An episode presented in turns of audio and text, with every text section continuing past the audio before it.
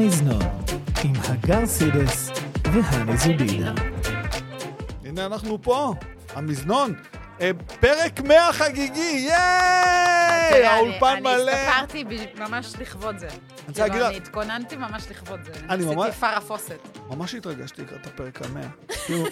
100 שבועות שאנחנו קמים בבוקר, מכינים כל יום. רביעי, כאילו, נותנים בראש, וואו, כאילו... זה, זה, תודה. אנחנו רוצים להודות לכל הצופים והצופות, המאזינות והמאזינים הקבועים.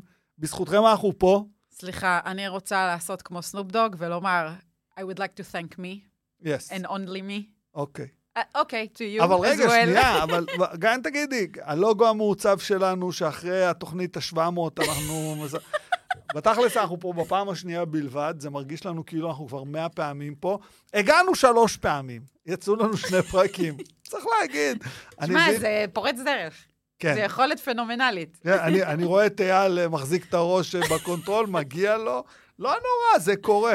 גם הפעם צריך להגיד, אה, אין רעש של מים ברקע. לא, גם אין את הדבר הזה טק, של ה... טק, טק, בסדר, קורה, קורה. אנחנו המזנון, אנחנו עצבנ... המזנון, לא מזנון, המזנון. המזנון. תבדלו את זה. כן. אנחנו לא, אנחנו לא מקדונלד, אנחנו המקדונלד, שזה הבדל אוקיי. מאוד גדול. סבבה? אנחנו צריכים חסות. אה, אנחנו מחפשים חסויות אם אתם איתנו, אבל רגע, רגע, שנייה, אנחנו מתחילים בעצבים, נכון? כן, כן, כן. אוקיי, אז אני חייב לציין, יש לי רב-קו, התקשרתי לרכבת ישראל, אוקיי.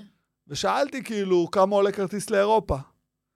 הפנו אותי ללשכה של בן גביר. אה, אמרו כן. בחינם. עכשיו, כאילו, אה, אה, לא לא אמרו לך לדבר עם נירנברג?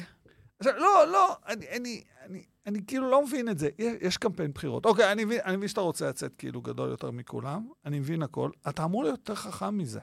לא, גם אחרי שנה בפוליטיקה, כאילו... כבר תוריד, רכבות? תוריד, ממלכתיות, משהו, תוריד. הרי לפני שבועיים ראינו אותו בסרטון, שהוא אומר לא להגיד מוות לערבים, מוות נכון, למחבלים. הוא נכון, ניסה נכון, לעדן את עצמו, נכון. פתאום רכבות. שולח אנשים לאירופה. אני צריך להגיד כמה דברים כדי שזה יהיה ברור, כאילו, אני יודע שאנשים פה אה, אוהבים את הפלוס הציוני, הגברי, האשכנזי. צריך להגיד, אי אפשר לגרש מפה אזרחים. לקחת אזרחות ממישהו זה כאילו... צריך להיות קיצוניות ברמה מטורפת. ואני גם צריך להוסיף, אי אפשר לגרש מפה אנשים. אי, אי אפשר לגרש מפה אנשים, אפילו אם הם לא עם מסמכים מתאימים. אי אפשר לגרש. אז uh, קחו הכל בערבון מוגבל. זה גם עצבן אותי, כי זה המון פופוליזם, ממש. וזה גם, כאילו, התחיל מזה שהוא יגרש את כסיף, ועבר לזה שהוא יגרש את איימן עודה. עזוב, נו.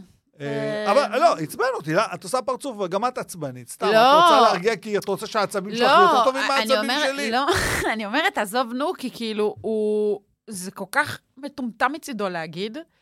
לא, הוא לא יכל להגיד משהו יותר מטומטם מזה ביום הראשון אחרי הפרידה שלו מסמוטריץ' לכאורה. פרידה. כאילו, כן, זה, עוד- זה לא, זה התחזיקו אותי של תפסו אותי, 2022, אני נכנס אבל אני אגיד לך. מה מעצבן אותי באותו נושא. תראה, יש אחד חכם, פחות, אה, פחות חכם בצד השני, קוראים לו אבו מאזן. הבן אדם עומד על אדמת גרמניה. ואומר לקנצלר גרמניה, הציונים עושים לנו, עשו לנו 50 שעות. 50. עכשיו, רגע, 50 בוא. כפול, 50 כפול, אני יודע ששש זה מספר מדומיין, אבל בוא נגיד 50 כפול, זה 300 מיליון. עכשיו בוא, זלנסקי ניסה את התרגיל הזה לפני כמה לא עבד חודשים, וזה לא עבד לו, להפך, זה, הוא עשה את זה עם הפרלמנט היהודי. מה אתה ועוד עושה? זלנסקי הוא יהודי. כן, יש לנו... יש לו זכות. כן. אבל אתה, מה זה התרגיל הזה? מי, לא. מי תדרך אותך? מי לא. אמר לך ששואה זה סבבה, להת- ל- כלי ניגוח מצוין להשתמש בו? לא. להצדיק את את את הכיבוש ואת האפרטהייד היהודי. אני יכול להגיד משהו שכאילו, אני נזהר מאוד כדי לא להישמע גילנאי, גילנאי, ככה אומרים? Ageistic. גילנות. כן, כן, כן. אבל גילנאי. אה, בן כמה אבו מאזן? 80, לא? איזה 80? 80 ו ו ו, רגע, מהר בודקים. לדעתי הוא, הוא 80 ו ו ו, אה, אבל, אבל אני חייב להגיד, כאילו, הוא כבר הרבה זמן לא בפוקוס אה, מי יודע כמה. אז אתה אומר זקנתו מביישת אותו? אוקיי, אמרת 80, שימי לב. 86? אה, תופים בבקשה, 87. הבא, כאילו, עכשיו, כאילו זקנתו אה, מביישת אותו? חלאס, אחי, כאילו, איך אומרים? שחרר, לך בבית, אל תבלבל את המוח, לך, תן למישהו אחר לבוא, אולי תהיה פה איזה תקווה, איזה עתיד. עכשיו, לא שאני אומר לפלסטינים במי לבחור, אבל כאילו, די, ש... אתה לא הצלחת. כמה שנים אתה כבר שם? לא הצלחת. אני יודע שהמרצדס זה סבבה, אני יודע שהסגנון חיים הוא אש, אבל הגיע הזמן כאילו באמת... אני, אני חושבת שזה היה שירת הברבור שלו, אתמול. וואלה, לא נעים לי להגיד לך, אני זוכר פודקאסט שעשיתי בשנת 1968, ומישהו אמר אז כבר שזה שירת המרמות. אתה אומר, אבו מאזן יגבור את כולנו? אה, כאילו, וואלכ, אני, הבן אדם, יש לו עשה קעקוע עכשיו חדש על היד פה, אל מלא רחמים. וואלה, זה חד דינק, הבן אדם לא רואה אותנו ממטר, הוא גמר את כולנו, אין אחד שעומד לידו. לא, אני לא מבין את זה. עכשיו, צריך להגיד, אה, יש פה עוד איזה משהו מטורף שקורה גם בפוליטיקה הישראלית. בשבוע הבא שני המערכות פריימריז האחרו- האחרונות. מרצ? מרצ וציונות דתית. אה, אה, אה, נכון, שכחתי שבציונות הדתית גם יש פריימריז. ראיינתי את חברת הכנסת וולדיגר, לא וולדינגר, וולדיגר. מיכל. כן, אני לא יודע למה היא כזה... נחמדה. כן, A כן. good person. כן, כזה. כן, ראיינתי אותה בכנרת, יושבת... היא לא היא לא יושבת על המשבצת של סטרוק וסמוטריץ'. לא. לדעתי. לא, אני לא ורוטמן. חושב, לא. היא לא... אני לא חושב. תשמע, אכפת לה מ... מ... מאנשים קשי יום וכאלה. כן, כן, כן, היא, היא גם כזאת סבתא כזאת. היא, היא, היא, היא- אני הייתי... אני לא חשה שהיא ליברטריאנית. אה, הייתי בכנסת עם אורחים מחו"ל, היא בדיוק הייתה בכנסת עם שמלה ורודה כזאת אה, מאוד זוהרת, היא באה למלות מים בבקבוק הרב-פעמי שלה מהמכונת מים, שזה גם אה, ייאמר... אה, והיא ראתה אותי והיא אמרה לי שלום וזה, ואז היא אמרה לי מי אלו, אז אמרתי, האורחים שלי מבקרים מארצות הברית. אז היא כזה הסתובבה ובנונשלנטיות אמרה, אוי, אתם רוצים לראות לשכה של חברת כנסת? אה, בואו! והזמין אותה לסיבוב בלשכה, כאילו אין כלום. נראה לי שהיא היא הרי עבדה בשירות הציבורי, נכון? כן, היא- כן. זהו, זה בא משם, היא כן. מאוד minded, שליחת ציבור, כן, כזה. אז, אז, אז צריך להגיד ששבוע הבא נגמרים הפריימריז, גם, גם במפד"ל יש פריימריז, המפד"ל, הבית היהודי. אה, פריימריז, אה, סוער מאוד שם. אה, המנכ"לית ויתרה על הרשות לטובת אה, ברודני, שהוא ראש עיריית אה, גבעת שמואל. בקיצור, אבל, אבל יש משהו שאת אמרת, ואני רוצה להגיד, בשום מפלגה אין תחרות על ראשות המפלגה. חוץ מאחת. אחת. עכשיו, רגע, אבל בוא נדבר על זה. זה גם רובם גברים, חוץ מאחת, אה, שזה מרב מיכאלי. כן. הייתה, כאילו, ערן חרמוני עשה קולות. אה, זה לא היה לו סיכוי. זה 16 היה- אחוז, כמה הוא קיבל? 16 או 17 אחוז? לא, שזה, יפה, אני, אני הימרתי על, על בין 15 ל-20. הוא הצליח להגיע לאיזה, אולי 17 אחוז. כן, אבל זה היה עס- עסקנים כאלה, וזה... סמוטריץ' לא מתמודד, נתניהו לא מתמודד, לפיד, לא, לא, לא. לא. אה, או, אה, אוקיי, אוקיי, סתם, סתם. גם. לא כחול לבן עכשיו. גנצוש. סליחה, המחנה הממלכתי. הממלכתי. ד- או, ד- בוא נדבר שנייה על ממלכתיות. רגע, אבל אנחנו לא. צריכים אה, להתקדם עם ה... אה, אוקיי. כן, מה, אה, אה, אה, אצלנו? אוקיי, אז תגיד, אבל במפלגה אחת יש פריימריז לרשות והם בוערים. כן, מרץ. מרץ. אז אנחנו החלטנו... הבית הפוליטי שלי. הבית הפוליטי. אז תציגי את את האישה הבאה. טוב, אני מתרגשת. אז אה, בהתרגשות תציגי אותה. זהבה גלאון איתנו. אה, בוקר טוב. בוקר טוב. שהייתה... הייתה ראש מפלגת מרצ בשנים 2012 עד 2018, ועכשיו היא מתמודדת אה, לראשות אה, המפלגה, וגם אה, אה, כיהנה כנשיאת מכון זולת. כן. נכון. זהבה, את יודעת, אני חייב לציין איזושהי, כאילו, אנקדוטה. את כל השנים שלך כראשת מרץ כיהנת תחת ממשלות נתניהו. נכון. אז השאלה הראשונה שלי היא, למה את כזאת מזוכיסטית? אמ, מה נשאר לי? אמ, אבל בנימה יותר רצינית, אני באמת, אחת הסיבות שבגללם החלטתי שאני חוזרת, זה למנוע בכלל את האופציה הזאת שנתניהו יחזור לשלטון. מה זאת אומרת? אה, אם חלילה מרץ אה, אה, לא תעבור את אחוז החסימה ולא יהיה גוש, מה שקוראים לו גוש שינוי, אז נתניהו ובן גביר וסמוטריץ', מי שרוצה להעלות אותנו ואחרים על רכבות יחזרו. אז אמנם זה היה קשה תחת נתניהו, הייתי באופוזיציה, אבל אני חושבת משעה שמרצ נכנסה לפני שנה לקואליציה, והבינו כמה אפשר אה, לעשות בקואליציה וכמה אפשר להשפיע, אז יש לי משימה לעשות את מרצ גדולה חזקה ולהשפיע מתוך הקואליציה. אה, אני מסכימה עם כל מה שאמרת. אני רוצה מרץ חזקה. אני גילוי נאות, מצביעה למרץ מאז שהיה לי בכלל אה, רץ, רץ. הגר שופכת. בדיוק, גם אני. לא, מה, אני גדלתי עם אבא ממולדת ואימא מרץ. זה מה זה וואו. וואו, וואו. אה, אימא שלי הצליחה במשימה, אבל אני זוכרת אה, את שולמית אלוני, זכרונה לברכה, ויוסי שריד, אה, זיכרונה לברכה, אבל אני חושבת שאנחנו קצת נוסטלגיים. אה, אני רוצה מרץ בועטת, ואני שואלת את השאלה, איך, איך, את, איך את הולכת להפוך אותה להיות בועטת? להחזיר, להחזיר אותה להיות בועטת? תראי, קודם כל, אה, אה, את מדברת על נוסטלגיה, ואני באמת לא האמנתי שאנחנו נחזור לרגעים נוסטלגיים, כשאני שומעת אה, שמי שמתמודד מולי מדבר על זה שסוגיות שבעיניי היום הם מיינסטרים, שהפכו להיות פורצי דרך של זכויות אדם ושוויון וזכויות חברתיות וזכויות להט"בים וזכויות לערבים אזרחי ישראל, שאומרים עליהם שהם איזוטריים, אה, בעיניי מושגים ששולמית אלוני בזמנו, כשהיא דיברה עליהם, הם הפכו מתפוסת, אה, באמת מתפיסת עולם נישתית לאיזושהי מוסכמה רחבה.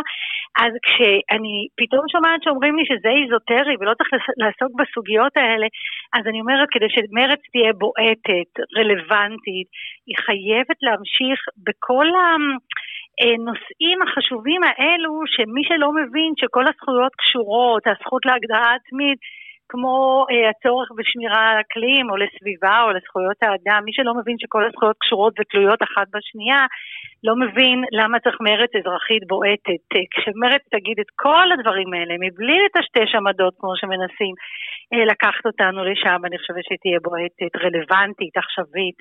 אבל את לא חושבת. שהמרץ במובן הזה עשתה את התפקיד ההיסטורי, כי היום זה משהו שנמצא כמעט בכל מפלגה, זאת אומרת, גם uh, העבודה מדברים על זה, uh, אבתיסאם מראענה, זה אחת ההתמקדויות שלה על uh, זכויות להט"בים לערבים, וגם יש עתיד מדברים על זכויות, ויש uh, להט"בים בכל המפלגות האלה.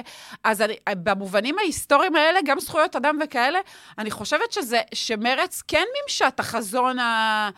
ההיסטורי שלה, והצליחה לנרמל את זה. גם פונדקאות, אה, אה, זכויות נשים וכיוצא בזה. אבל מה הבשורה גם ב- ב- בעולם הערבי? אה, הרי מרץ אמורה להיות אה, שותפות יהודית-ערבית ולהיות הבשורה הזאת, ואת זה היא לא הצליחה לנרמל. אז אני רוצה אה, להתייחס לשתי הסוגיות שהעלית. אה, קודם כל נכון, מרצ הצליחה לנרמל בעיניי מושכלות יסוד, אבל שימי לב כשאת אומרת, אה, הנה יש את אבתיסאם מראענה שהיא אחלה, וביש עתיד אה, חבר'ה שהם אחלה. אני מדברת על מפלגה שיש לה תפיסת עולם כוללת, שמדברת באותה נשימה על שניהם, אני אגיד את זה בגדול, שני מושגים. המושגים, הייתי אומרת, של צדק, שוויון, המושגים החברתיים והמושגים של אה, שותפות ושוויון בין יהודים וערבים וסיום הכיבוש וסיום השליטה על עם אחר. אין מפלגה שמציגה תפיסת עולם כוללת כזו, נכון? יש מפלגות שיש בהן חברים שהפנימו את המסרים האלה ובמובן הזה זו הצלחה של מרצ. אבל הדבר שמאיים עליי כעת, שהדברים האלה שאת אומרת שלכאורה נורמלו והפכו למוסכמה, מאוימים דווקא מתוך המפלגה שלי עצמה. זאת אומרת, המפלגה שהגדיר, אני לפחות מגדירה אותה, אה, בעלת תפיסה פרוגרסיבית, בעצם מבקשים אה, להשיג, אני אגיד, בה' ס' י' ג', להשיג לאחור את הדברים האלה ולדבר יותר באופן שמרני, בואו נדבר לקהלים חדשים, בואו לא נגיד שאנחנו שמאלנים, בואו לא נשתמש במילה כיבוש כי זה מרחיק. ולשאלה השנייה שלה... אבל זהבה, שמתקש- הוא אלוף, הוא אלוף בדימוס בצה"ל, הוא סגן הרמטכ"ל. לא, לא קניתם פה איזשהו, אה, את יודעת, אה, זאב בתחפושת כבש. ידעתם מי הוא. אני לא בטוחה דרך אגב. תראה, אני לא הייתי שם לפני שלוש שנים כשניצן הורוביץ, במסגרת החיבור בזמנו עם אהוד ברק, המחנה הדמוקרטי, או איך שלא אני קראו לזה. דיברתי על ניצן, דרך אגב, סתם, אה, עוד, עוד, עוד, עוד, עוד איזה פלטה גדולה של מרץ. אוקיי, אז אמ, אני לא רוצה לדבר עכשיו על הפלטות של מרצ, אני רוצה לראות איך יוצאים משם, אה, אה, אני. אוקיי.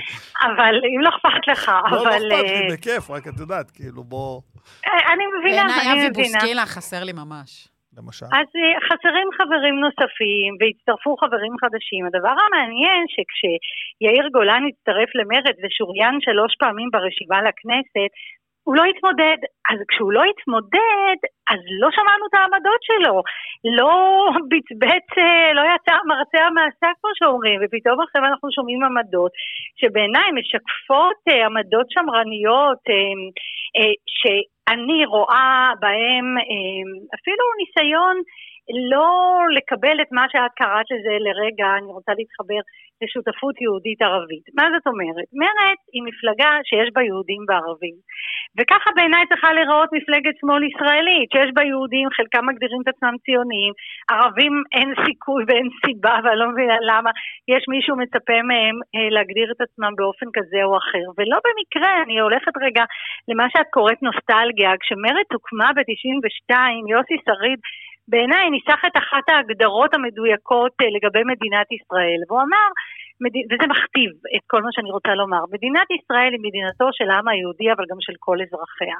וזה מכתיב את הראייה שלנו ואת התפיסה שלנו של היותנו מפלגת שמאל ישראלית מכילה, פתוחה ליהודים וערבים ודורשת שוויון גם אזרחי וגם לאומי. והדבר הזה בעיניי, הוא עומד כרגע על קירי תרנגולת, ואני לכן חושבת שחייב להיות בחמישייה של מרץ הפותחת, בחמישייה הפותחת מועמד ערבי בכיר, זאת אומרת, נניח אני נבחרת, אני מניחה שאני נבחרת לראשות מרץ, אני צריכה לצאת לבחירות, אני צריכה לצאת לציבור הערבי, אני צריכה לקרוא לו לראות במרץ את הבית הפוליטי שלו.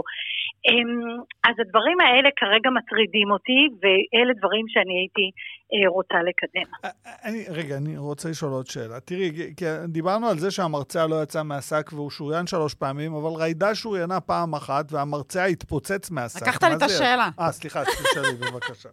לא, זה בסדר. אני פשוט הרמתי לכם להנחתה, לקח לכם זמן...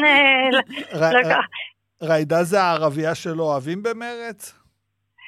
תראו, הגישה שלי מורכבת לעניין הזה. אני בכלל לא אוהבת את סוגיות השריון. לאסוף אנשים מהגורן ומהיקב, גם אם הם אנשים טובים דרך אגב, אני לא בטוחה שזה נכון למפלגה כמו מרצ, שאנשים, אם אני כבר משתמשת בז'רגון שיש לנו אלוף, חרכו את הסוליות שלהם במאבק אה, להתמודדות, להיבחר, באים עם השקפת עולם מגובשת וקוהרנטית, ומהבחינה הזאת הציבור של מרצ אה, ראה בהתנהלות של אה, חברת הכנסת ג'ידא רינאוי זועבי תקלה, תקלה קשה, האשים את מרצ שבגללה נפלה הממשלה, אני חושבת שזה לא הוגן ולא צודק, כי יש לה אולי את המשקל שלה, אבל אי אפשר להתעלם מהמשקל של שיקלי, סילמן, אורבך, אה, המפלגה של ראש הממשלה. אני לא חושבת שהיא, אני לא חושבת שהיא אה, זאת שהפילה את הממשלה, אני כן, בתור מישהי שהצביעה למרץ, התביישתי עד עמקי כן נשמתי על זה שהיא הצביעה נגד אה, קנאביס רפואי. לחולים.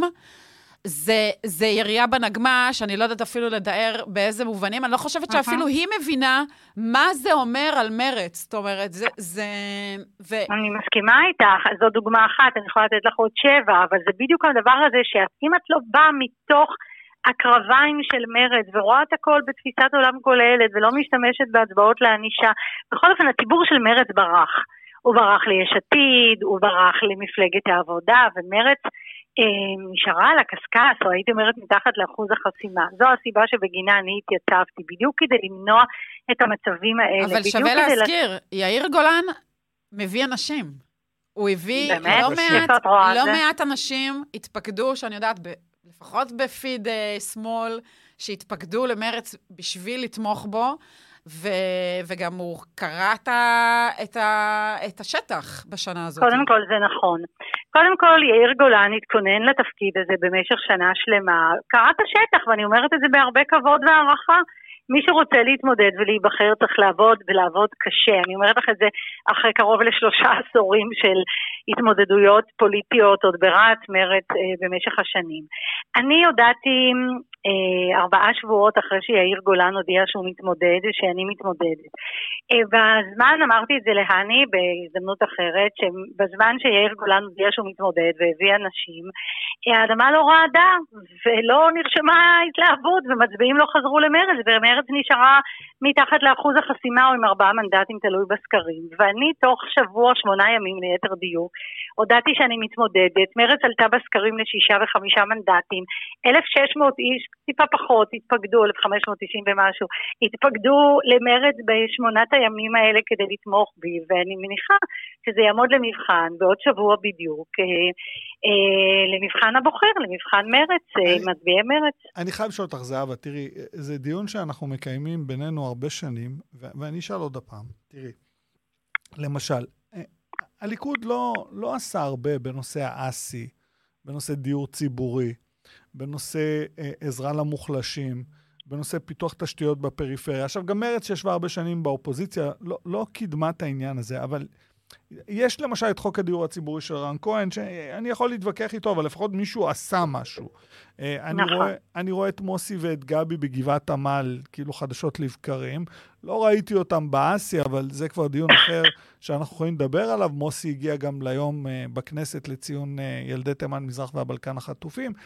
ועולה השאלה, כאילו, איך פורצים את הנישה, או אם את רואה דרך לפרוץ את הנישה הזאת של החמישה-שישה מנדטים. לחזור לשנים עשר, באותו לילה שראיתי את בני טמקין יוצא אה, מצוותא שמח כשהוא היה מרצה שלי ב-92. יש דרך לעשות את זה? כן, אני רוצה להעיר על זה כמה דברים. קודם כל, ה-12 של 92, 12 המנדטים הבאמת מדהימים והמרגשים, זה סדר גודל של שבעה מנדטים היום. אמ, בגלל ריבוי האוכלוסייה, דפוסי הצבעה, אתם יודעים, כל הדברים האלה, לא נרחיב על זה עכשיו. אני בהחלט חושבת שיש למרץ הזדמנות לנסות ולפרוץ אה, לקהלים חדשים, אה, בדיוק אותם קהלים שדיברת עליהם, אה, על ידי, הייתי אומרת, מחשבה קצת חדשה, מחשבה שמדברת, אה, כשאנחנו מדברים על צדק בכלל, אז המחשבה שמדברת על זה שהייתה כאן אפליה היסטורית בין אוכלוסיות, גם ביחס אה, למזרחים ויוצאי ארצות הבלקן, ארצות האסלאם והבלקן, וגם בנוגע לאזרחים הערבים בישראל, בשורה של סוגיות, ואני חושבת שצריך אה, לדבר על הדברים. אני הייתי זו שהעליתי את כל הסוגיה של אה, ילדי תימן בכנסת. אה, חברת הכנסת נורית קורן הקימה ועדת אה, חקירה פרלמנטרית בעקבות השאילתות שאני הגשתי. אני חושבת שזו הייתה טעות, אני אומרת את זה בצער מצידו של חברי ניצן הורוביץ, שעשה הרבה דברים טובים, לא לפרסם את הפרוטוקולים לגבי ילדי תימן החטופים. אני חושבת שזה לא רק חוקים שעושים, אלא זה עניין של שיח, זה עניין של דיבור, זה עניין של אה, יציאה מאיזו עמדה שמרנית, עמדה ש... שרואה תמונה רחבה יותר של מה קורה היום במדינת ישראל. אני בהחלט חושבת שזה אתגר שיצטרך לעמוד בפניי בהמשך. אני uh, אסיים עם זה שאני אומר, אני רוצה פחות, uh, שמרץ פחות תהיה נישתית. אה, פייסבוקית צהובה, אלא תחזור להיות אה, פורץ לדרך עם בשורה, בעיקר בשותפות יהודית-ערבית, כי אנחנו צריכים לפתור את הפתרון הסכ... ואנחנו צריכים למצוא, לחשוב על פתרון לסכסוך, ולא על uh, דברים נקודתיים. צריכים לדבר על הגרעינים התורניים, שיש לנו את הסוגיה הזאת איתם, ואף אחד. לא מציף את זה. אז אני מקווה לראות עוד שבוע רשימה uh, חדשה, שגורמת לי...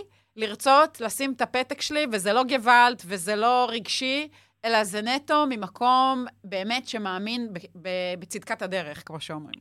אני רוצה להתחבר לדברים שלך ולהגיד, אני רוצה שאנשים יצביעו למרץ כי היא ראויה לאמון שלהם, כי היא תציג רשימה נהדרת אה, והעומדת בראשה, ייתנו לך אה, הזדמנות להצביע שוב, למרץ. זהבה, אני רק צריך להגיד, את לא מתמודדת לרשימה. לא, אני לא מתנהלת לרשימה. אני הייתי 16 שנים חברת כנסת, דני, אני חושבת ש, שזה לא הוגן מצידי. לא, אני אומרת, לא. אני רוצה להגיד משהו, אה, תראו, אני החלטתי שאני באה כדי להגדיל את הכוח של מרץ, אה, הייתי אומרת אפילו להציל את מרץ, אבל זה לא הוגן מצידי להתמודד לרשימה ולמנוע, באמת יש מועמדים, למרץ יש ח"כים מצוינים ומועמדים חדשים מצוינים, למה אני צריכה לקחת להם מקום? הייתי שם, עשיתי את זה. אני לא באה עכשיו בשביל קריירה פוליטית, אני באה למשימה נקודתית, אה, כמובן בפוליטיקה, אה, להשפיע על, על התוכן, על הדרך, על הקיום, הייתי אומרת, על הגוש. אבל אני לא מתמודדת לרשימה, ואני חושבת שאני יכולה אה, לנהל את מרץ אה, מתוך הממשלה, מתוך תפקידי כיו"ר מרץ, אה, לא חייבים להיות חברי כנסת בשביל זה. טוב, מה אנחנו נגיד לך? בהצלחה, יש לך שישה ימים להמשיך לרוץ כן. במדינה. תודה רבה לכם, תודה על הרעיון הזה, תודה. המשך יום נהדר. תודה. ובהצלחה בבחירות. תודה, זהבה. תודה, יום טוב. אה, כמה שאני ברמה האישית מסמפת מאוד את זהבה, אה, אני חושב שתהיה בעיה למרץ בבחירות האלו. קודם כל, אני רוצה לומר משהו. אני לא חושב שזה יהיה כאן. אני רוצה לומר ש... אין דבר יותר טוב שיכול לקרות למרץ מהפייט הזה על הראש. כן. זה מעורר את מרץ, זה מכניס אותה לחיים, זה מעורר את הדיונים בפיד, ברשתות החברתיות. יש, גם זהבה בעצמה צריכה לי, להתמודד עם שאלות הנוגעות ליאיר גולן ולאג'נדה שלו, וגם יאיר גולן צריך להתייחס לדברים שהיא וה, והארסנל שהיא באה איתו. אז אני אומרת, זה מעורר, זה, זה מאתגר, זה מכניס עניין, ו, ויהיה מעניין. אני ממש רוצה לראות מה יקרה ביום רביעי. אני, לא, יום שלישי. אה, יום שלישי? בלילה. אבל, אבל אני צריך להגיד, גם לא, יום רביעי בבוקר אנחנו כבר נצעק. בתוכנית 101 אנחנו נדע מה התוצאות. ואם הם לא יבואו עם בשורה, אני אומרת את זה בצורה חד משמעית, והם יהיו כאלה פרווה, אז, אז, אז זה תלוי ברשימה שלהם. אה, יש לי הימור, אז, אז זהו. יש לי הימור, אני לא מגלה מה ההימור שלי, למי יצא מספר אחת ברשימה, כי אני שומר את זה לתוכנית אחרת שאני עושה בחיי, למשכן לילה, שתסקר את הבחירות באותו ערב, בשידור חי, בערוץ כנסת, 99, סתם אני עושה פרסומת. אבל אה, יש לי הימור, אני מקווה שהם ידעו להעניש את האנשים שעשו נזק למפלגה. חד משמעית. ואני חושב שיו"ר המפלגה בקדנציה האחרונה היה נזק. הוא היה נזק. הוא עשה הרבה דברים. טוב, כאילו, אני גם- לא מסכימה איתך. איכוני השב"כ שהוא הסכים, ככה עף על זה, אה, גם ההחלטות שלו, את מי הוא ומה הוא מביא ואיך הוא... אה, בסדר. אני לא יודעת, אני אחרי 25 שנה במדבר אופוזיציוני, את כאילו מבסוטה נתנו לך איזה טיפת מים, את זה אומרת, לא, "יאו, זה הרעבים, לא, אני מסתכלת על מדבר." חצי כוס המלאה, ו- with all the respect, כאילו... חצי המנשה. אה, סתם. לא הייתם 25 שנה בקואליציה, פתאום אתם יושבים ליד הכסף, אז כן, אז לוקח זמן, עושים גם טעויות, ועושים גם דברים טובים. לא, לא הכל כזה שחור כן, ולבן, כאילו. גם צריך להגיד, ת- תמי זנדברג בחוץ. אה, שמע, אבל אה, אורי זקי, אה, הבן זוג שלה רץ עכשיו, וואי, תקשיבי, יש שם אני חושב שהוא מריח קיבל... קצת איזה כן, נפוטיזם. כן, קיבל גם תקשורת לא טובה. אבל אתה יודע, לא טובה, לא טובה. קלמן כתב על זה, ומאז לא שמענו מזה. והמקום הראשון, המקום הכי חם בגיהנום, כתבו על זה לפני שמונה חודשים, ולא מדברים על זה. כן. מיכלזון- מיכלזון אבל במה. אנחנו מתעסקים כל הזמן? ברשימה בליכוד. זה קצת, אה, אנחנו גם לא accountable למה הרשימה- שקורה אצלנו הרשימה במרץ. בליכוד הייתה מהפכה טקטונית, כאילו, מה שקרה שם זה כוחות... אבל אני אומרת, אם יש אי סדרים, אז שווה גם לדבר על מה שקורה במרץ. סיפור עם אה, תמר זנדברג ואורי זקי, שווה לשאול, שווה לשאול את השאלות. ברור. אני חושב והן לא ש... נשאלות. אני חושב שצריך להגיד שכאילו, אה, גם כל הסיפור הזה שיצא כבר, תומר מיכלזון היה הראשון כן. שפתח אותו, צריך להגיד, ניתן קרדיט. אה, אני חושב שיש כאן קטע, זה לא שהתקשורת מלטפת יותר, אבל כשאתה ארבעה, חמישה מנדטים, זה פחות ג'וסי. סליחה, למה בנט שישה מנדטים לא, לא, והוציאו אבל לו בנט, תמיץ. סליחה, בנט היה ראש הממשלה. בואי, בואי שנייה נשים פרופורציות. שמע, אני לא, אין לי שום בעיה שאלה חסון. עכשיו תעשה בירור על הסיפור הזה עם תמר זנדברג ו- אוקיי. ואורי זקי. בוא- בואי אני אני אגיד את זה בצורה הכי פשוטה. אה, אנחנו מחפשים חסויות. אה, אה, לאט לאט אנחנו גם נקבל אותן, אנחנו בתוכנית המאה בסך הכל. אבל אני, אני, ב- ב- בהסכת המאה, אבל אני צריך להגיד לך משהו. כשאתה מעלה אייטם על מפלגה שיש בה 30 ומנדטים, והיא כאילו הכי חרבו דרבו שבעולם, זה שונה מאשר אתה מעלה חמישה מנדטים, או שישה מנדטים, שבעה מנדטים ראש ממשלה, כשכולם בורחים ממנו, כמו מסננת הימינה הזאת. ראית כולם- מה קרה להם השבוע? ראי, כן, כן, כן, שירלי פינטו, אביר קארה, כולם בקריזה, אבל אה, זה מה יש. אתה אה, רעב? לא נעים לי להגיד, מאז שעברתי את גיל 50, אני תמיד רעב. הבעיה זה, אני... אני מה? תמיד רעבה עוד לא, אני עדיין לא בחמישים. לא, לא, אני- אצל גברים זה אחרת. פעם אוכל היה משני בחיים שלי, פעם. אבל אז מה שקרה זה, אה, התחלתי להכיר מעגלים של אנשים שעוסקים באוכל, ופתאום אוכל נהיה חלק, וגם הכרתי את אביבה, שהיא אכלנית ידועה, אה, וזה נהיה חלק מהחיים שלי. אבל בואי תציגי את האורח הבא שלנו. טוב, איש האוכל היקר, אני האהוב. לא הייתי מתחיל ככה, אני הייתי מתחיל ב... אולי האיש שיודע לספר סיפורים הכי טוב שאני מכיר בעולם.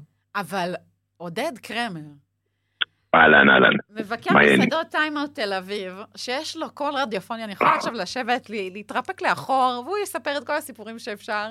מה קורה, עודד?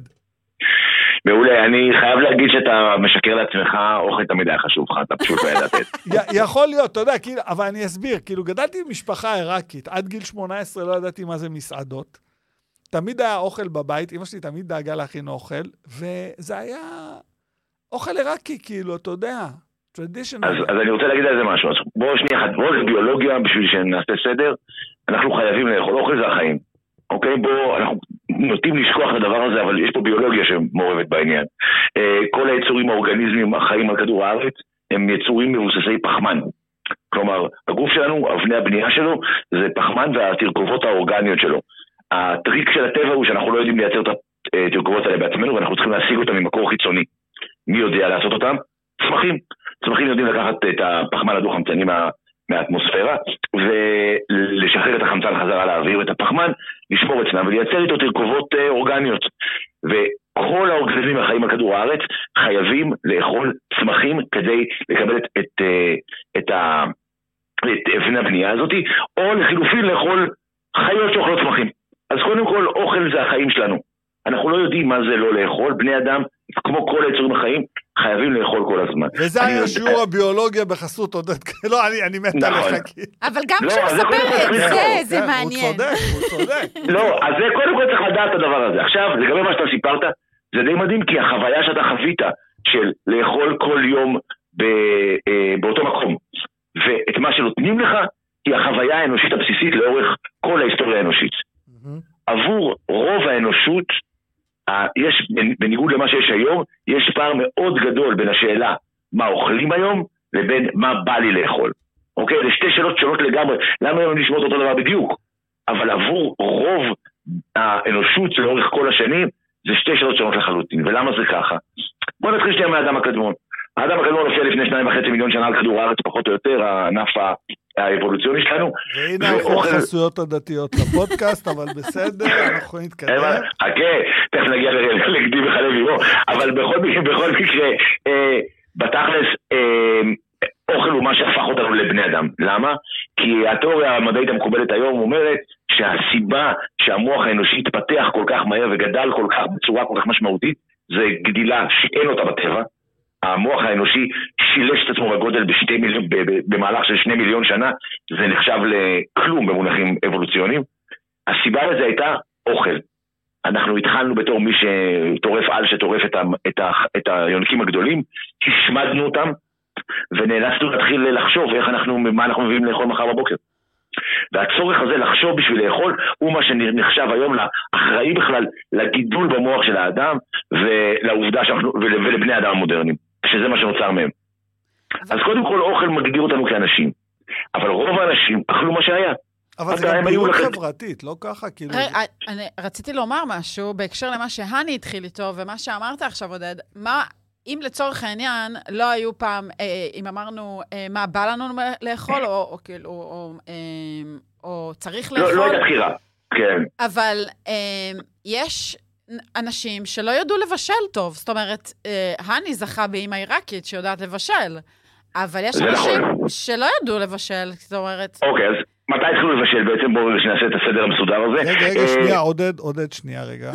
עיוני, לפני שאני אסתבך עם המשפחה שלי, גם שתי הסבתות שלי המדהימות, כל הדודות מכל הצדדים, זה נכון. זה וגם. חלק מהדודים שלי יודעים לבשל, הגר פה הכניסה אוקיי. אותי לבור, אני צריך לצאת, וגם, סליחה, חמתי, מאיה, שהיא גם בשלנית, לא אוכל עיראקי, אבל- או יש לי עוד מישהי, אביבה, תודה, הגר.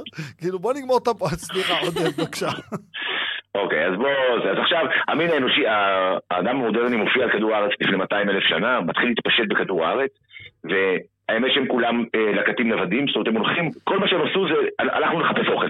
כן. זה מה שהם עושים. הם הולכים ומחפשים אוכל. מצאו אוכל, אוכלים, ממשיכים הלאה לטייל. ואז לפני עשרת אלפים שנה קורה דבר מדהים. הוא מדהים כי הוא בעיקר כי הוא קורה בשלושה מקומות שונים ברחבי כדור הארץ, בלי קשר אחד לשני. שלושה שבטים שונים מצליחים לביית בפעם הראשונה שלושה אה, אה, צמחים שונים. במזרח הרחוק מבייתים את האורז, במזרח הקרוב, בעמק הסהר הפורה, באיראן ועיראק, מבייתים את החיטה, ובדרום אמריקה מבייתים את התירס. רציתי להגיד לך מקסיקו, מאיה, כן, המאיה. נכון, אה, זה במרכז דרום אמריקה, וחשוב להגיד, הצמחים האלה, שלושת הצמחים האלה, הם המקור מזון המרכזי של האנושות עד היום. היום, 50% מתצרוכת הקלוריות האנושית היומית היא משלושת הצמחים האלה. שמע, אתה נכנס פה לעולמות של ביטחון תזונתי, ו... בדיוק. עכשיו, עכשיו, אבל מה קרה, מה, מה בעצם קרה בדבר הזה? האוכל הוא מה שמגדיר אותנו כאנושות, בגלל שברגע שהצלחנו לעשות חקלאות ולייצר אוכל, קרה דבר מדהים. התפנה לנו זמן. עד אז האדם הקדמון, כל מה שהוא עשה זה לחפש אוכל, זה כמו שהעסיק אותו כל היום. לא היה לו כלום. הם הלכו וחיפשו אוכל. אני עדיין מחפשת אוכל, אני לא בדיוק, עכשיו, אין להם, אין, אין, אין, רכוש, אין רכוש פרטי, הם הולכים בקבוצות של 40 איש, 30-40 איש, אין רכוש פרטי, כי זה לא הגיוני, כי אתה בתנועה, מה עכשיו? לא צריך שני גרזנים, לי יש גרזן, לך יש סיר, ונתחלק. והכל עבד יפה. מהרגע שהצלחנו לייצר חקלאות, ייצרנו בפעם הראשונה עודף של אוכל. עודף של אוכל שווה עודף של זמן. כי עכשיו זה אומר שאני לא צריך ללכת לחפש אוכל, אני יכול להתעסק בדברים אחרים. ועכשיו שיש לי זמן, אז אפשר להתמקצע, כלומר אפשר להתחיל לייצר דברים, אנחנו יכולים לייצר, אנחנו יכולים להיות חיילים, כלומר יש צבא, אנחנו יכולים, יש לנו זמן להיות פקידים, כלומר בירוקרטיה. וזה מה שבונה אימפריות. החברה האנושית, הציוויליזציה האנושית, היא תוצר של מהפכה חקלאית. החקלאות אפשרה לנו לבנות מבנים חברתיים. ועכשיו אני עושה הפרדה קטנה קטנה קטנה, חשוב להגיד, יש מבנה חברתי, אז יש מעמדות. כל מה שהולך להגיד עכשיו מעכשיו לא כולל את המעמד העליון, בסדר? כן, שהם תמיד היו מחוץ למשחק כן, הזה. הם היו אותו... הם תמיד אכלו טוב, הם תמיד אכלו טוב, הם אכלו מה שהם רוצים, לא, זה לא רלוונטי, אוקיי? אז בואו נשים אותם שנייה בצד. חוץ מהם, אנחנו נכנסים מה- בעשרת אלפים שנה האחרונות, איכות המזון שלנו הידרדרה באופן משמעותי. כן, קודם כן. כל המגוון ירד מאוד, כי עכשיו אתה, אתה אוכל רק מה שמגדלים, כי אתה לא נכון. כבר אין יותר אכילה בטבע. אז אתה אוכל מעט מאוד, ואתה גם לא בשליטה על האוכל שלך, אתה לא יכול להחליט מה אתה אוכל. אתה מגיע הביתה בסוף היום, ומה שאשתך הכינה, אתה אוכל.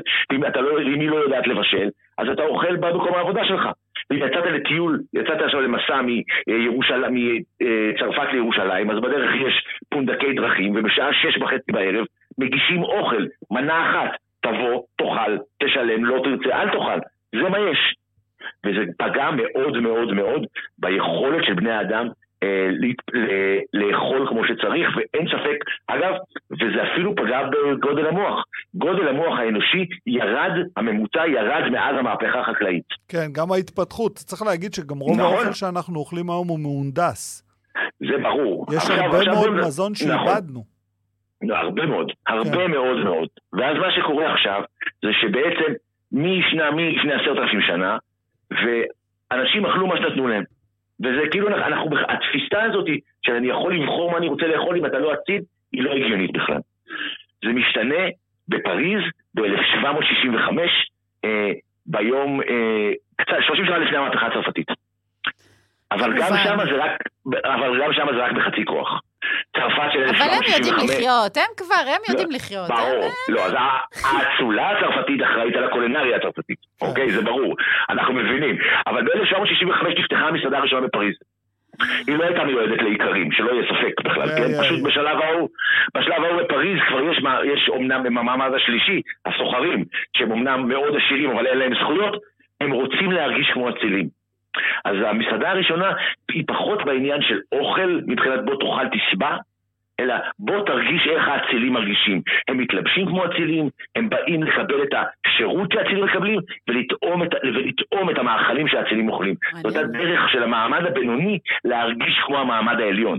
קצת כמו שאנשי עסקים שהם לא עשירים, קונים לעצמם כרטיס לפרסט קלאס במטוס, אתה יודע, להרגיש כאילו כמו, כמו האוליגרכי. זה היה, וככה זה התחיל. ובאמת, בשלושים שנה הבאות ייפתחו בערך 100 מסעדות כאלה בצרפת. בעיקר בפריז. הם, הם כמעט ולא יוצאים מפריז, הדבר הזה, כי שם העשירים נמצאים. אתה יודע, כשאתה אומר. את זה, זה מצחיק, כי היום, כשפותחים מסעדות כאלה, הטריגר המרכזי שלהם זה כאילו להראות סלברטאים שאוכלים שם. כאילו, אנו, נכון. תבואו, תאכלו גם אצלנו. רגע, בסופו של דבר... אני חייבת דבר- לשאול אבל, עודד, אתה הזכרת את זה עכשיו, אבל לא היו אה, בתי מרזח ומסבעות לפני המסעדות האלה? כן, זאת אומרת, כן, אבל לא הייתה בחירה. לא, זה לא הייתה בחירה, לא היה תפריט. אה, המושג אוקיי. תפריט הוא מסביר, הוא, הוא מושג שלא קיים. אתה בא, היום מגישים עוף, רוצה לאכול עוף, מגניב, לא רוצה לאכול, לך תתמניאק. זהו, אין חוכמות. אתה לא בוחר כלום. כאילו, יש יש סטנדרט. מדי פעם. ממש. והדבר, אז מה שקורה זה שמגיעה המהפכה הצרפתית. עכשיו, במהפכה הצרפתית, אה, מה לעשות? אה, על עשרות או לא מאות עובדי מטבח שעבדו אצל מעמד האצולה, אה, במקרה הטוב הבוס שלהם איבד את מעמדו ואת את האחוזה שלו, במקרה הרע הוא איבד את הראש, כן, אנחנו מכירים, והם מחפשים עבודה.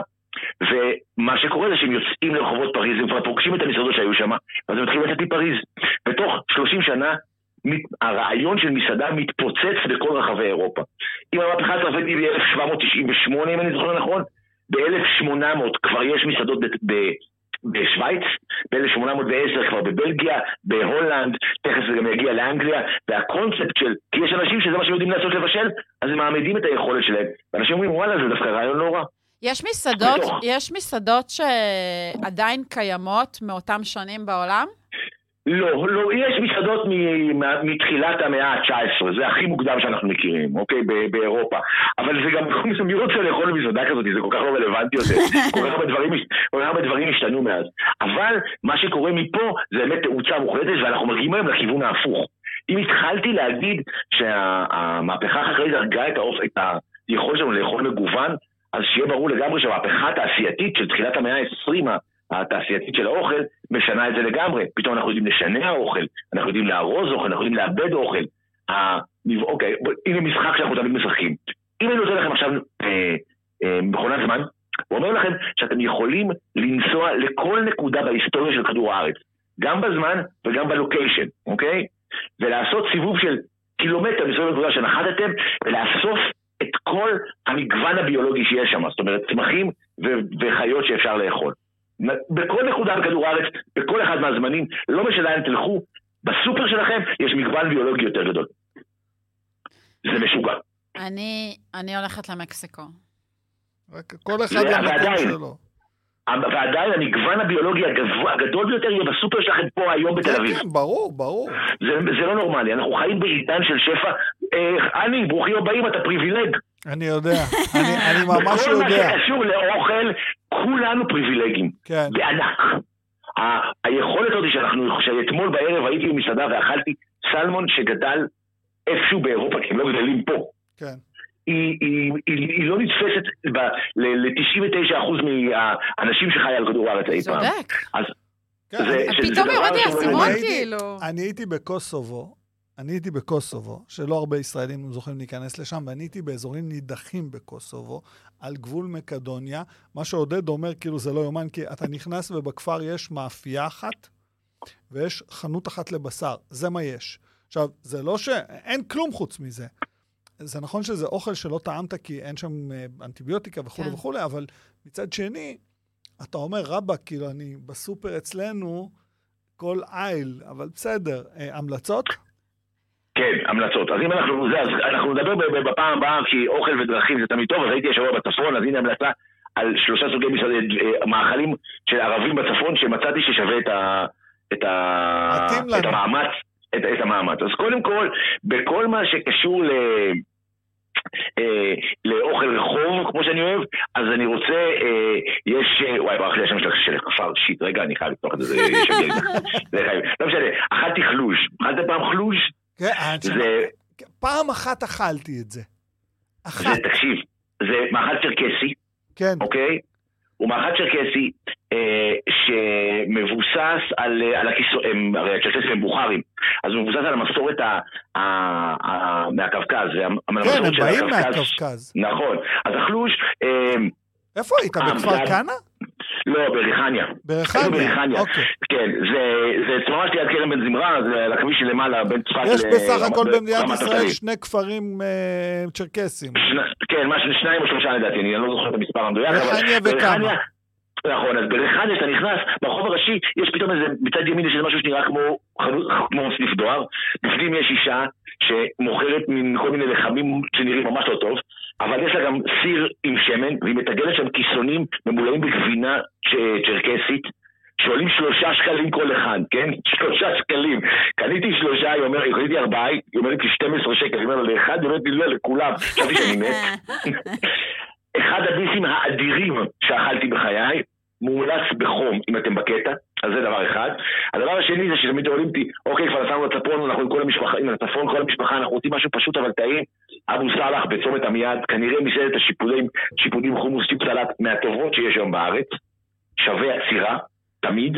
אבו סאלח בעמיעד, אבל אם אתה בקטע של אוכל אה, אה, ערבי, איכותי, אה, פלסטיני, שמי, מס- מסורתי, אה, מקום חדש יחסית נקרא ארמון סהרה.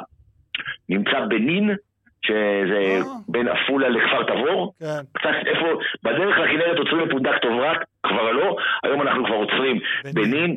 אה, במשפחת, המשפחה של אלבבור אה, פתחה שם עוד, אה, עוד מסעדה. אוכל ערבי נדיר, אל תפספסו את, ה, את הדברים שבושלו בטבון, את הצוואר כבש, את האוסבוקו שעושה לילה ב, הגר פה רוקדת, אתה גורם לה לרקוד. איך אני רוצה? שווה כל רגע. אה, זה שלושת ההמלצות שלנו. כן. תחזרי. ואם יהיה לי שאלה, אה, אז אוכל רחוב חלוג' בריחניה. אה, נכון. אוכל צ'רקסי שצריך לציין, כאילו, הרבה לא יודעים, אבל הם מגיעים מהקווקז, הם הגיעו לפה. כמו הגרוזינים כן, אבל. כן, ו- כן. המילה, המילה Caucasian, לבן, באה בעצם מהקווקז. הם היו האנשים הלבנים. אבו סאלח, שיפודים בצומת עמיעד. נכון. וארמון זהרה, בנין. זהרה, אה, עמוד זהרה בנין, כן. זהרה. אז זה בטח אה, אבו זהרה, אבל אה, כן. בסדר. לא, אבל אה, סהרה, אגב, הייתה שם מסעדה בשם סהרה במשך שנים, שהייתה כלום ושום דבר, ופתאום לקחו את הדבר הזה, זה מקום ארמון, זה אשכרה, זה בניין מופרך לחלוטין, אבל אה, מסעדה מדהימה, טוב, באמת. אנחנו מעלים את הלינקים. עודד קרמר, תודה רבה לך, סוף שבוע תודה. נעים. אה, מחכים לשיחה שבוע הבאה נעים, שלנו. בכיליון עיניים. יאללה ביי. ביי. אה, טוב, אה, אמרנו שהוא storyteller, רבע שעה על ביולוגיה ואוכל וזה, אני, אני חולה עליו. אוהד מכבי, הכי אהוב עליי. שעות. אה, אה, אני, אני, אני, אני קצת מתרגש, לא, מתרגש, אני מתרגש, כן, כן, אני אוהב אותה, היא איתנו על הקו. אה, אני אוהב אותה, עוד רגע היא עולה. אני צריך להגיד, הגשתי איתה תוכנית רדיו הרבה שנים. אה, בעיניי היא, אה, איך אני אגיד את זה? היא אחת הזמרות אה, מגדלור. הכי גדולות שהיו פה, אבל מעבר לזה, היא גם אישה נדירה בלב הרחב שלה וכמה היא יודעת לפרגן. מרגלית צנני מרגול, מה שלומך? שלום, אה, דוקטור הני זובידה. הכל בסדר. יש איזה גברת לידך, כן. אדע גם איך קוראים לה? הגר סידס. נמצאת איתי. אה, היא-. היא מתרגשת. כן, אה, אני, אני אספר למרגלית שלפני שנה אני הייתי באירוע כן. בלטרון, שנקרא או. פאודה בייס, בבריתה של כן. פונדק, ואני רקדתי איתך, את שרת שם, או, איזה כיף. ורקדתי איתך, וכן, את השראה. אה, כן, אני- גם מת עליה. והיה לי לעונג לשבת איתה שנים ב- באותו אולפן. נכון, אבל- נכון. התכנסנו, כי מרגול אה, איבדה השבוע חבר מאוד טוב כן, שלה, כן, אה, כן, צביקה פיק, זיכרונו לברכה. זכרו, כן. זכרו לברכה. זכרו לברכה. בואי, שאני רוצה דברי לומר- איתנו קצת עליו. אני רוצה לומר לכם דבר, אולי זה יפתיע אתכם. אה, האליטה בישראל לא אהבה את צביקה שזה מדהים. אבל, אבל הלא אליטה זיהתה כמה הוא גאון. זה מוזר, נכון? כן, זה מדהים. הוא. יליד פולין, צריך להגיד. יליד פולין, והמוזיקה שלו התאזרחה, אני יכולה, אם, אם אפשר לומר אצלנו, אני לא יודעת, לא, אתה אפשר, יודע, אני לא אפשר, רוצה... מרגול, את יודעת. אה, אצלנו התקבלה בזרועות פתוחות מה- מהשיר האלמותי, אני אוהב אותך לאה, שהז'אנר המזרחי, אני חייבת לקרוא בשם, אימץ אותו בצורה בלתי רגילה בשאר שיריו. אה, תתפ- תתפלא, אם אתה מסתכל על זה סוציולוגית, אתה נדהם.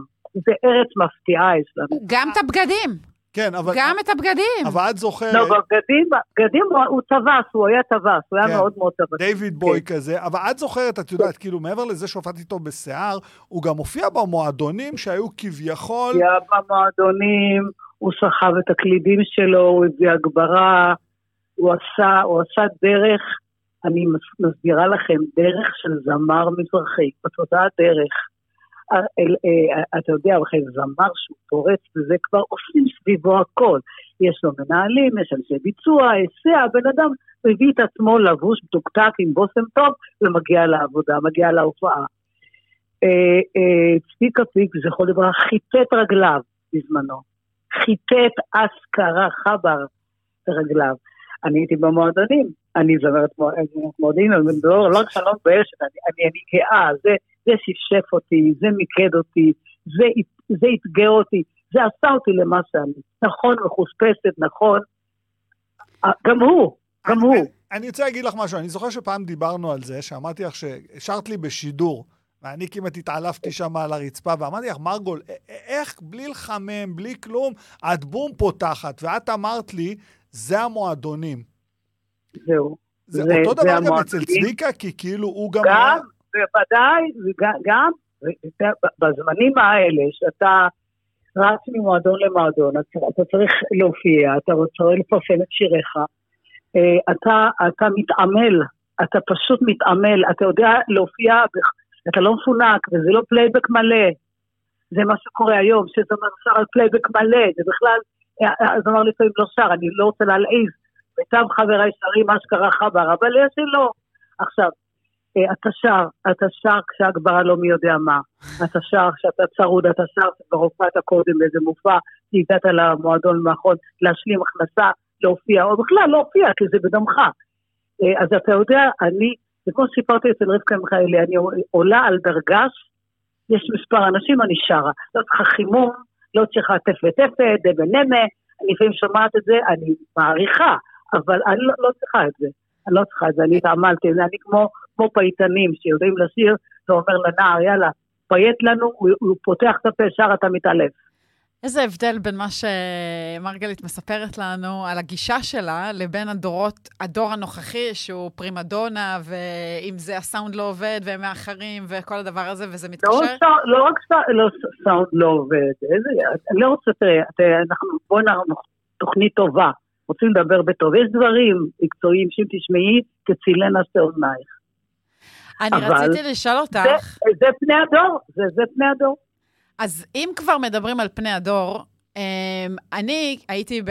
גרתי בארצות הברית והייתי בנשוויל, ובנשוויל, אני לא צריכה לספר לך, אה, זאת עיר מוזיקה והכול, ויש שם, שם אה, ארבעה מוזיאונים על מוזיקה, ויש שם את Music Hall of Fame.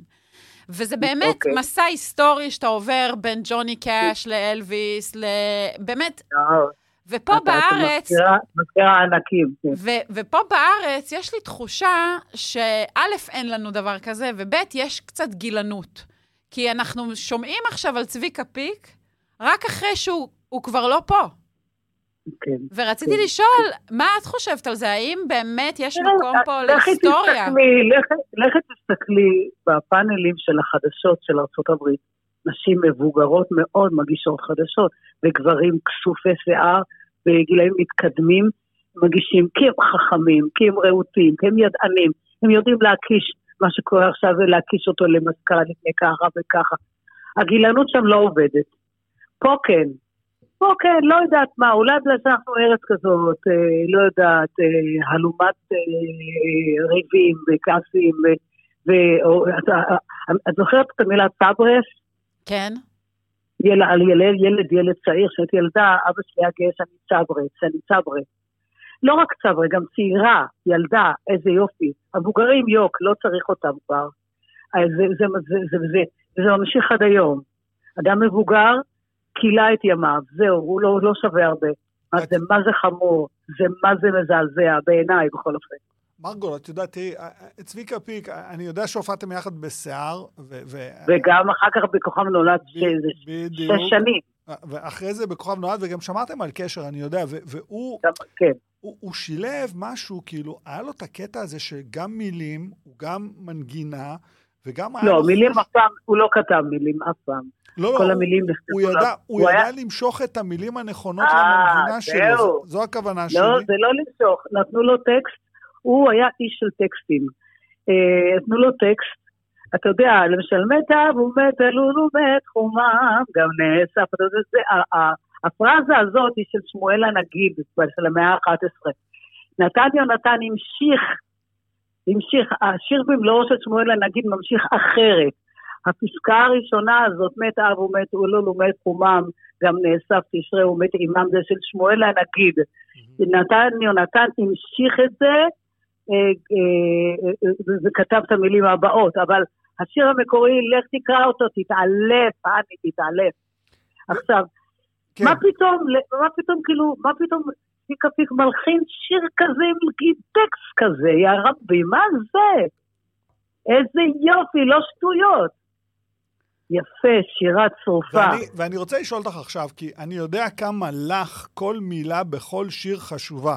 גם כשלא כן. הבינו, כששרת, אנשים לא הבינו חלק מהמילים, בסופו של דבר זה חלחל.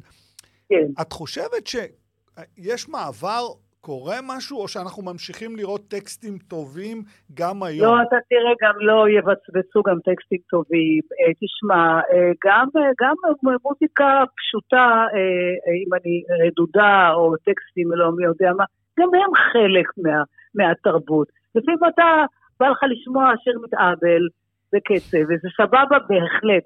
ולפעמים חשקה נפשך זה שיר כמו מת אב ומת אלול, ומת חומם, גם נאסף תשרה ומת אימם. זה עושה לי לנשמה שלי מים. כן, גם מים. אני, אנחנו שנינו עם צמרמורת. אבל זה לא רק זה זה, השיר הזה זה שש דקות. אה, כן, זה כן. עם עיבוד. זה עיבוד מוזיקלי של אורגן, של גיטריסט, של תופים, של פסנתר, כן, ש- כן. זה, זה פשוט, כן, כן. זה פשוט שילוב של כל סגנונות שילוב המוזיקה. אדיר. עכשיו, עכשיו, תקשיבי טוב, הגר. האיש הזה היה מלודיסט בכל רמ"ח איבריו. הוא כתב מנגינות. הוא, אין אצלו אפילו שיר הכי פשוט שלו, מרי לו, תנסי לשיר אותו, תראי איזה טאקלים יהיו לך. זה כאילו, הוא, הוא, הוא, הוא כל כך מ- מ- מלודי, הוא, הוא כותב מנגינות כל כך טובות ויפות. אפילו דיבה, דיבה, טירה רה רה רה טירה טירה, ה-C part של דיבה זה masterpiece. זה, זאת מנגינה, המנגינות של צביקה פיק זה גולת כותרת של מוזיקת פופ, שהוא העלה אותה לדרגה של אומנות ממש.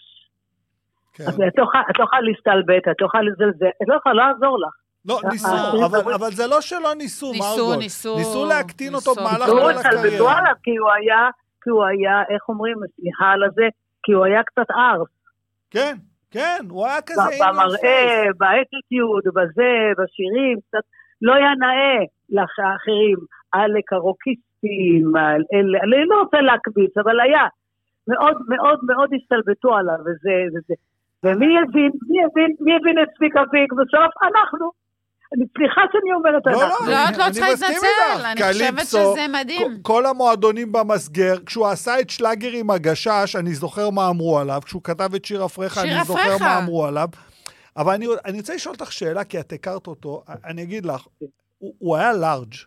הוא היה איש, כאילו, הוא לא... זה שהוא היה מפורסם, כאילו, הוא היה... הוא אהב הח-. לא, הוא אהב את- הוא אהב את החיים, בוא נגיד, בוא נגיד את האמת, אהב את החיים, אהב את הראווה, אהב לחיות בסטייל, דרש, הוא היה כוכב, הוא דרש, התייחסו אליו כמו כוכב, ואנחנו אה, התגלגלנו מצחוק מכל מיני דברים שהוא ככה טבע ודרש, ו- ואנחנו צחקנו אותו, כי אנחנו קצת פלמחניקים, מה, לא אכפת לנו, העיקר הגענו, באנו לצלם, לעשות משהו, אז אה, אז הוא תמיד אמר, מרגול, את חושבת שאם ג'אן לנון היה בא לשפוט בכוכב אה, נולד, הוא היה צריך לאכול עוגיית עבדי?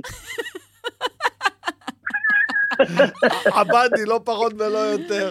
אה, כן. מרגלית, איזה שיר את הכי אוהבת? אה, לא, אין, אין, אל תתקילי לא. תעשה את זה. אה, לא, אי אפשר, תשמעי, יש לו שירים, לא אני הוא האיש, מת אב, מת אב ומת, נאסף תשרה שם השיר, או השיר מוזיקה, זה מעלה, מעלה, מעלה, שזה גם כן אני חולה על השיר. הזה. אז זהו, אז... הרקדן האוטומטי, אה, הסבון הרקדן בכה מאוד. האוטומטי, אבל זה, זה, זה, זה, אבל זה, זה לא עומד מול, מול אה, מוזיקה ומול אה, נאסף תשרה ומול לא אני או האיש. לאה, אתה יודע איך מתנו על השיר הזה, לאה, אין זמר כן. שלא ביצע אותו, תקשיבי, בגלל החמלה שבתוך השיר, כן. כשאת אמרת את זה, מרגול, פתאום עלה לי, זה כל הז'אנר של השירים המזרחים, כן. לא יעזור כלום. כן, השיר- כן. זה שם. חשבו שזה שיר מזרחי, לאה. אז אפשר לומר הפולני. ששני האישים האלה, עוזי חיטמן, המילים של אהוד מנור. הנה, עכשיו תגידי לעוזי חיטמן, תראי איך היא... אז אני אומרת, אפשר זה? לומר ששני האישים האלה, עוזי חיטמן אה, ו- וצביקה פיק, הם אה, חובקו וחיבקו את המסורות המזרחיות, ו- והם דווקא נסקו ו- והצליחו... אה, אבל אגר, אצל עוזי חיטמן, הוא חיבק אותנו קודם. כן, כן, כן, הוא, כן, אה, הוא, הוא אהב את שימי תבורי אהבת נפש, כן. וכתב לו, וחיבר לו, ופנה אלינו, פנה אליי, והבנו שהאיש יפה התואר הזה, ועם נועם ההליכות הזה, המוסיקאי הנפלא הזה, כתב לי, כתב לי, לשימי הוא כתב עשרות שירים. כן, כן, אה, שימי היה לו כאח. אה, אה, ולא רק זה, יש לו אפילו יד בשיר, שמור אותי מאוהביי. הוא קצת עזר לי ולציון שרעבי לסדר, לסדר את השיר. אה, איש מקסים. עכשיו, אבל אנחנו מדברים על שני, שני אנשים פנטסטיים, ש, שאנחנו אהבנו אותם, והם אותנו. כן, על דאבדין. אה, מרגלית צנני, אה, מרגול. חבל על דאבדין ואינם משתכחין. זה. שזה, שזאת פרזה מהממת של. התלמוד. אה, מה אני אגיד לכם? חבל, באמת חבל. אה, המוזיקה שלו. אה, תשמע, תשמעו את השיר מרי לו. תשמעו את הטקסט של מרי לו. אף אחד לא יש כאלה שגודל, זה החפצה. גם לאה זה החפצה, זה, זה בסדר, החפצה שמחפצה. אה, נכתב, על ההחפצה. השיר נכתב על זה, אז מה אתם רוצים? שלא ישירו על זה. עכשיו, ת- תקשיבו לשיר מרילו, תקשיבו לטקסט, למירית שמור, רעייתו הראשונה, היא חיברה את המילים. פשוט, פשוט, אה, פשוט תענוג, ובאמת, באמת חבל, יהי זכרו ברוך לעד. יהי זכרו ברוך. מרגלית צנני, מרגול, תודה, תודה תודה, רבה, מרגול. אוהבים תודה, אותך. הגר, תודה, דוקטור הני זובידה, תודה להשתמע. יום טוב, בעזרת השם, ביי ביי. ביי. אה, טוב, תשמעי, אה, כמעט יש לי דמעות. אה, אנחנו הולכים מטוב מאוד למדהים. אה, לאט לאט אנחנו תראה, בתוכנית מדרגות. ה-200 שלנו שבוע הבא, כן, 300. כן. אנחנו קופצים ב... אז אני לא יודעת איך אפשר לעלות מזה, כאילו, היה לנו פרק שריפה, אש. ואני צריך להגיד... לא, כאילו, מרגול גמרה אותי. אה, אה, אה, הייתה לי תוכנית איתה, פה זה לא אירופה, שהיא שאלה שהערכתי יחד איתה במשך כמה שנים, וצריך להכיר את האישה. היא גם סטורי טלרית מצוינת. תקשיבי. כאילו, היא, היא, אנשים רואים אותה והיא זמרת והיא ביצועיסטית והיא מדהימה. היא בכל עולם אחר, לא במדינת ישראל, גדלה בצורה כזאת. היא פרופסור מלא באוניברסיטה. א', היא גאונה. רציתי להגיד אוטודידקטית. כן, אבל היא, היא גאונה, לא, לא בדיוק, כי היא למדה. ב', היא מצטטת קטעים שלמים מספרים. ג', היא יודעת מקרא, ת, תגידי מה. וד', היא מה זה אישה של טוב. היא יודעת שאני אוהב את זהבה בן, אני חולה על זהבה בן. היא הזמינה אותי להופעה שלהם המשותפת בהאנגר, והיא דאגה שזהבה תבוא ותשיר לי. כאילו, שזה כאילו, אתה יושב שם בתוך ההאנגר, מסביבך איזה אלף איש, ואיפה הדוקטור, איפה הדוקטור, וזה, כאילו, אני כזה, ואני מאוד אוהב אותה, אה, אה, אני מאוד אה, גאה שאני קורא לה חברה שלי, כאילו, היא כבר שנים. אני מקנאה בך. אה, לא צריך, עכשיו היא גם חברה שלך. אה, מה יש לנו להגיד? זה היה המזנון שלנו, ההמלצות יעלו, כן. נכון? גם המלצות, גם הקטעים, סינקים, הכל. אנחנו נעלה בכל נעשה הראשון, אנחנו- בלאגן, צריך. כולם צריכים לשמוע מה זהבה גלאון אמרה לפני הפריימריז, כאילו, יש, יש. סוף סוף. אייל הצליח להשתלט פה על האולפן, זה היה מדהים, הבן אדם דופק את הראש בקיר, נמחא לו כפיים. פיים. תמיד אותו חלום, חלום שנתחיל בשעה תשע. וחצי. אה, אנחנו אוהבים אתכם, היה לנו כיף לעשות את המזנון. התוכנית המ... סתם, תוכנית מספר 2, אנחנו נמשיך ל- לעדכן אתכם כל שבוע. אה, זה יעלה בקרוב מאוד. אה, אייל עושה לכם תנועה של לב, אתם לא רואים אגב סידס, תודה רבה. תודה, דוקטור הני זובידה. אה, אני לא את זה. מספיק. אה, אה, נתראה בשבוע הבא, באותה שעה, באותו מקום. יאללה. טוקס, tokz.co.il דרגו אותנו בספוטיפיי ובאפל פודקאסט ולחצו על כפתור המעקב כדי לקבל התראות ופרקים חדשים.